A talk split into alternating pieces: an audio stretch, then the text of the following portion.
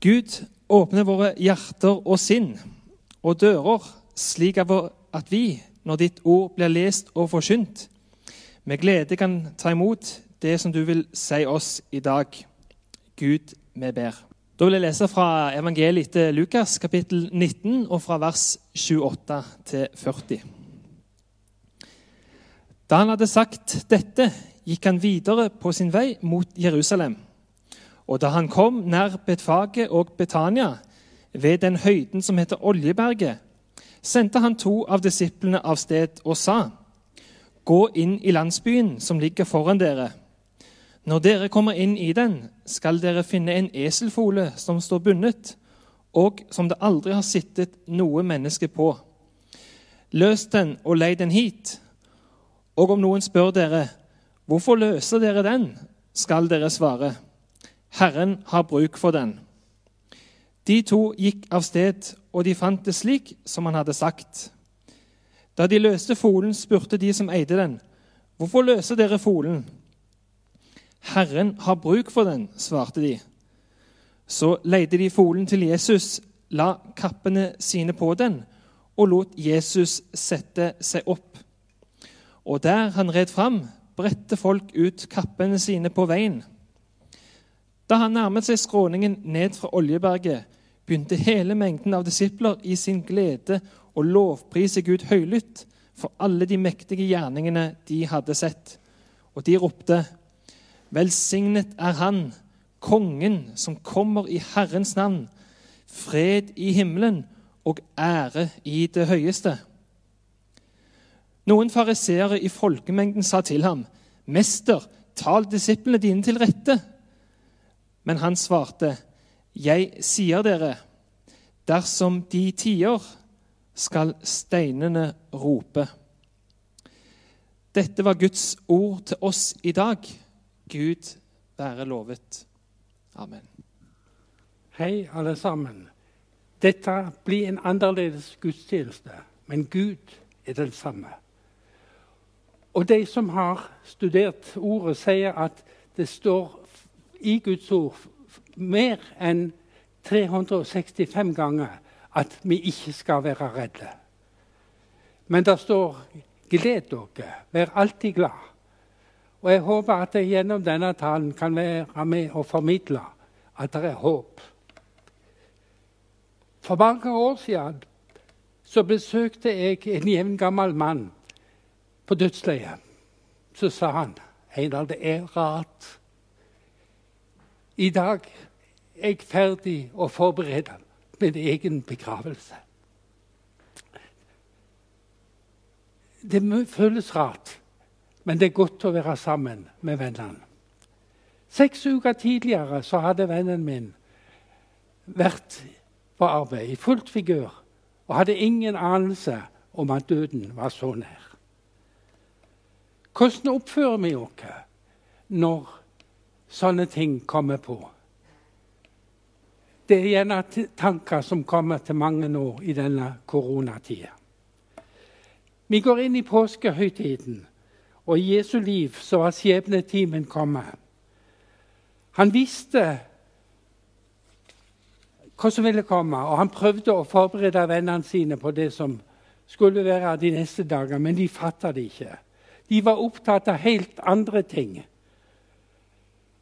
Men da en av de ante at det var sånn Jesus snakka om, så sa han, 'Herre, dette må aldri skje med deg.' De skjøv det til sides. De nekta å se det som en realitet. I dag så feirer vi palmesøndag, og det kan se ut til at disiplene hadde grunn til å være opptatt med andre ting enn at Jesus snart skulle dø. Det var så mye som skjedde i dag som var annerledes enn det som hadde vært i de tre årene de hadde gått sammen med ham. Det er vel rett å anta at mange, for ikke å si alle disiplene, de hadde vært opptatt av politiske motiv.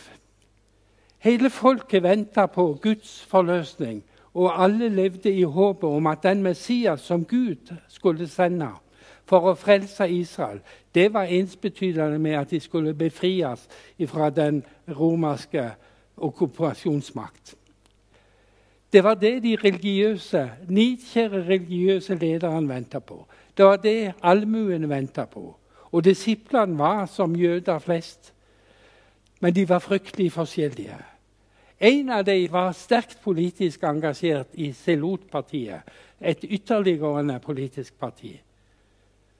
En av dem var en hissigpropp av fisker som ble kalt for Tordensønnen. En annen hadde mistro til alt og alle og hadde fått tilnavnet Tvileren.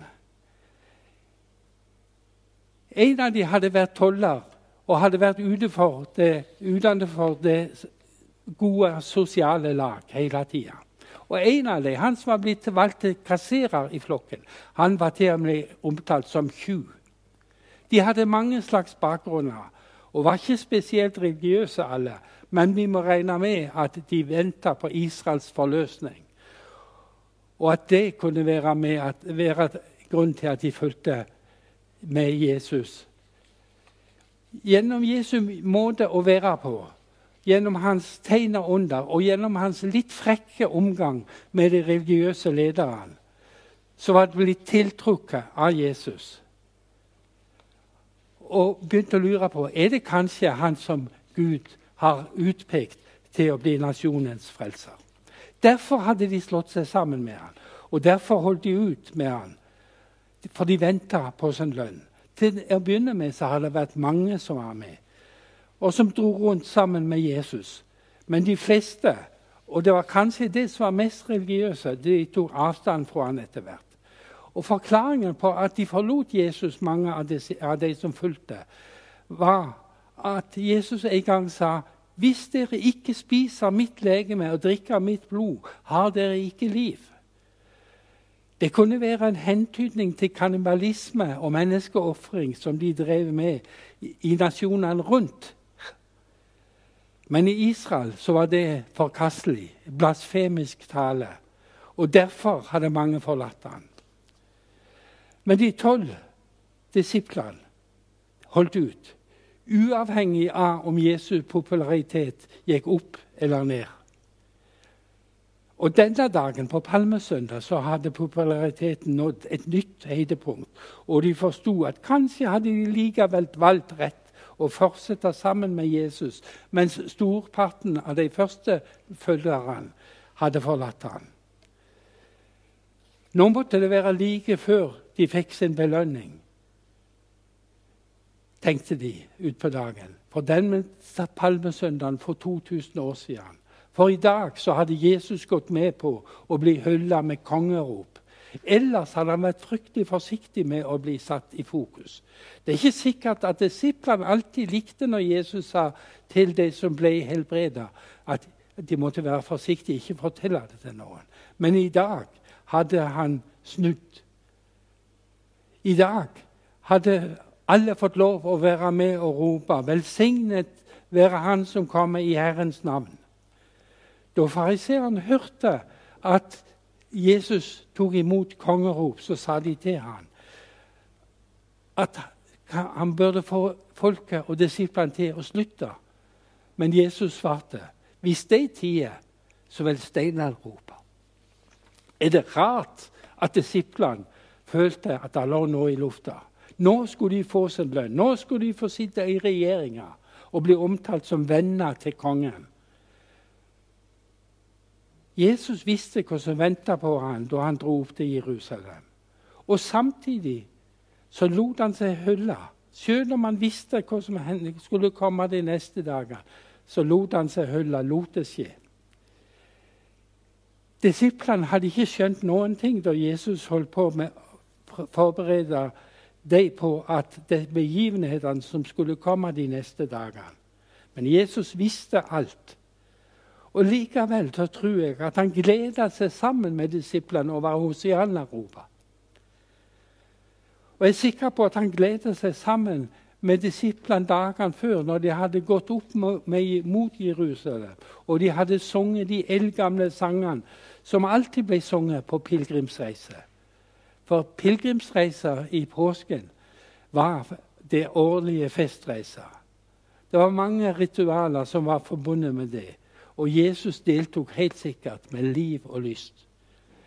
Jerusalem ligger på et høydedrag ca. 800 meter over havet. Og når de kom så langt at de kunne se Judafjellene reise seg i de fjerne, så var det vanlig å stemme i sangen 'Jeg løfter mine øyne opp mot himmelen', mot fjellene. For de måtte se oppover for å se fjellene der reisemålet lå. Den hellige by, der tempelet var, og der de skulle møte Gud. Det må ha vært kraft og ærefrykt i stemmen når de slitne pilegrimene var kommet så langt og de kunne se målet i de fjerne, og kunne hvile ut og si 'Jeg løfter mine øyne opp mot fjellene. Hvor skal min hjelp komme fra?' Før de kunne bryte ut i hyllingsropet. 'Min hjelp kommer fra Herren, den allmektige, Han som skapte himmel og jord.' Han gir nye krefter som en fot ikke vakler på den slitsomme ferden fram mot målet. Og så fortsetter lovprisninga om hvordan Gud er nær og aldri forlater sine barn, og hvordan han hjelper dem under alle forhold. Jesus var òg med og gikk opp mot Jerusalem. Og jeg er sikker på at han òg var med i sangstroppen. Min fot skal ikke vakle, min fot skal ikke bli utstø. Herren skal bevare meg fra alt ondt. Han vil bevare mitt liv. For disiplene var dette en festreise. Først den stemningsfulle oppturen, oppstigninga til byen. Så det eventyrlige inntoget i Jerusalem og de triumferende jubelrop fra befolkninga da de entra byporten. Det syntes bare å gå én vei, og så vet vi hva som skjedde. Vi skal snart møte mannen som var med og sang 'Min fot skal ikke vakle eller bli ustø', men som noen dager seinere ropte ut 'Er det mulig, så la denne kalk gå meg forbi. Mens han hang på korset, så skrek han ut. Min Gud, min Gud, hvorfor har du forlatt meg? Så trakk han det siste sukk ånda ut. Henrettelsen var fullbyrda. Døden var et faktum. Disiplene som opplevde denne store omveltninga på mindre enn ei uke, satt nok igjen med mange spørsmål. Er det ikke sant at Gud gir styrke, så foten ikke vakler? Er det ikke så sant at Gud er med vår side og bevarer oss fra alt ondt og verner om vårt liv? Det er spørsmål som disiplene sikkert hadde da uka var over og påskefesten deres var til endes, men før den første dag i neste uke var kommet. Og det er spørsmål som mange i Norge sikkert reiser seg de siste ukene når vi opplever sykdom og arbeidsledighet. Og Fjernsynet har minnet om at i påsken for 30 år siden så opplevde vi en ufattelig tragedie på sjøen med Scandinavian Star. Mange av de omkomne var engasjerte kristne. Klarer vi å la sånne hendelser å være med i lovsangsbruset. Se, han blunder ikke, og sover ikke, Israels vokter. Under oppstigninga til Jerusalem visste Jesus at han innen kort tid skulle begraves. Likevel så kunne han være med og synge i Salme 121 av full hals, for han kjente kraften, og han kjente kjærligheten som lå bak salmen. For salmen er ikke en oppskrift på vellykkethet, men den handler om kjærlighet som omslutter alle, høy og lav. Salmen lovpriser Han som har kjærlighet som omslutter alle. Taperne så vel som de vellykka. De friske så vel som de skrøpelige. Salme 121 handler ikke først og fremst om veien, men om målet. Jeg snakka en gang med ei eldre dame på godt over 90 år som var tydelig merka av aldring. Synet, hørsel og kreftene var vekke. Ingenting var som før. Så mismotet bredte seg. Men plutselig så var det som om hun hørte Jesus stemme. Jeg er den samme i dag som i går. Jeg har tegnet deg i begge mine hender. Jeg har omsorg for deg. Plutselig opplevde hun at mismåte forsvant. For hun hadde mange ganger tidligere i sitt liv opplevd at det var tider som var tunge og vanskelige. Men hun var hjelpeløs, og når alt var tungt, så kunne hun løfte sine øyne opp mot fjellet. Og Gud hadde gitt henne hjelp og trøst. Han hadde hjulpet i går. Og nå, når hun sjøl var svak, så fikk hun samme løfte. Jeg er den samme i dag som i går, og jeg blir den samme i alle framtid. Jeg har omsorg for deg. Det ukjente virker skremmende på de fleste. Men når vi går sammen med andre som kjenner tilstanden, så forsvinner mange ganger frykten. For oss alle er framtida ukjent og kan virke skremmende. Men når vi går sammen med folk som vi er trygge på, så vet vi at dette, og som vil hjelpe oss, så vil det gå greit. Det er trygt å bygge livet sitt på troa til Gud, til Guds kjærlighet. Den leder dere ikke utenom problemene. Den leder dere gjennom problemer og vanskeligheter og gir styrke i vanskeligheter. Jesus opplevde medgang og seier på palmesøndag. Men han opplevde også skjærtorsdag og langfredag, som når en ser det utenfra, kunne oppleves som et nederlag. Vennene forsvant og fornekta han. Han ble henrettet sammen med forbrytere. Var det rart at han skrei ut 'Hvorfor har du forlatt meg?' Før han, da han tok det siste åndedrag, sa 'Far, jeg legger meg fortrøstningsfullt i dine hender.' 'Jeg vet at seieren er din. Du skal bevare meg fra alt ondt. Du skal bevare mitt liv.' Noen av oss vil kanskje møte døden mens vi står midt i livet. Noen av oss vil møte livet når vi er slitne og overmetta av dager. Noen av oss vil møte lidelser og nød. Likevel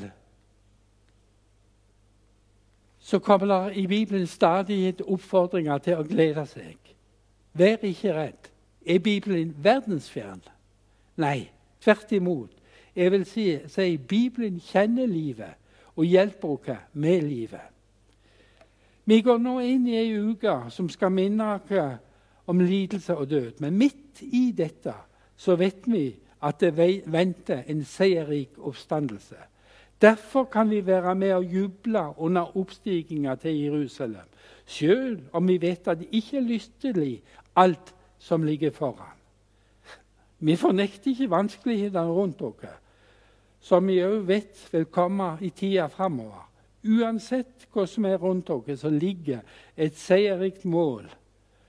Vi går sammen med en som kjenner dagene og framtida, og som allerede har seira over det onde som ligger og lurer på oss. Derfor ikke la koronapandemien skremme deg og ødelegge framtida eller andre bekymringer. Men vær med på seierens lag og vær med i jubelropet. Hosiada. Vær med og syng. Jeg løfter mine øyne opp til fjellene. Han hjelper meg, gir meg krefter til å gå med stø skritt mot målet. Han blunder ikke og sover ikke, men vil bevare min utgang og min inngang til evig tid. Amen.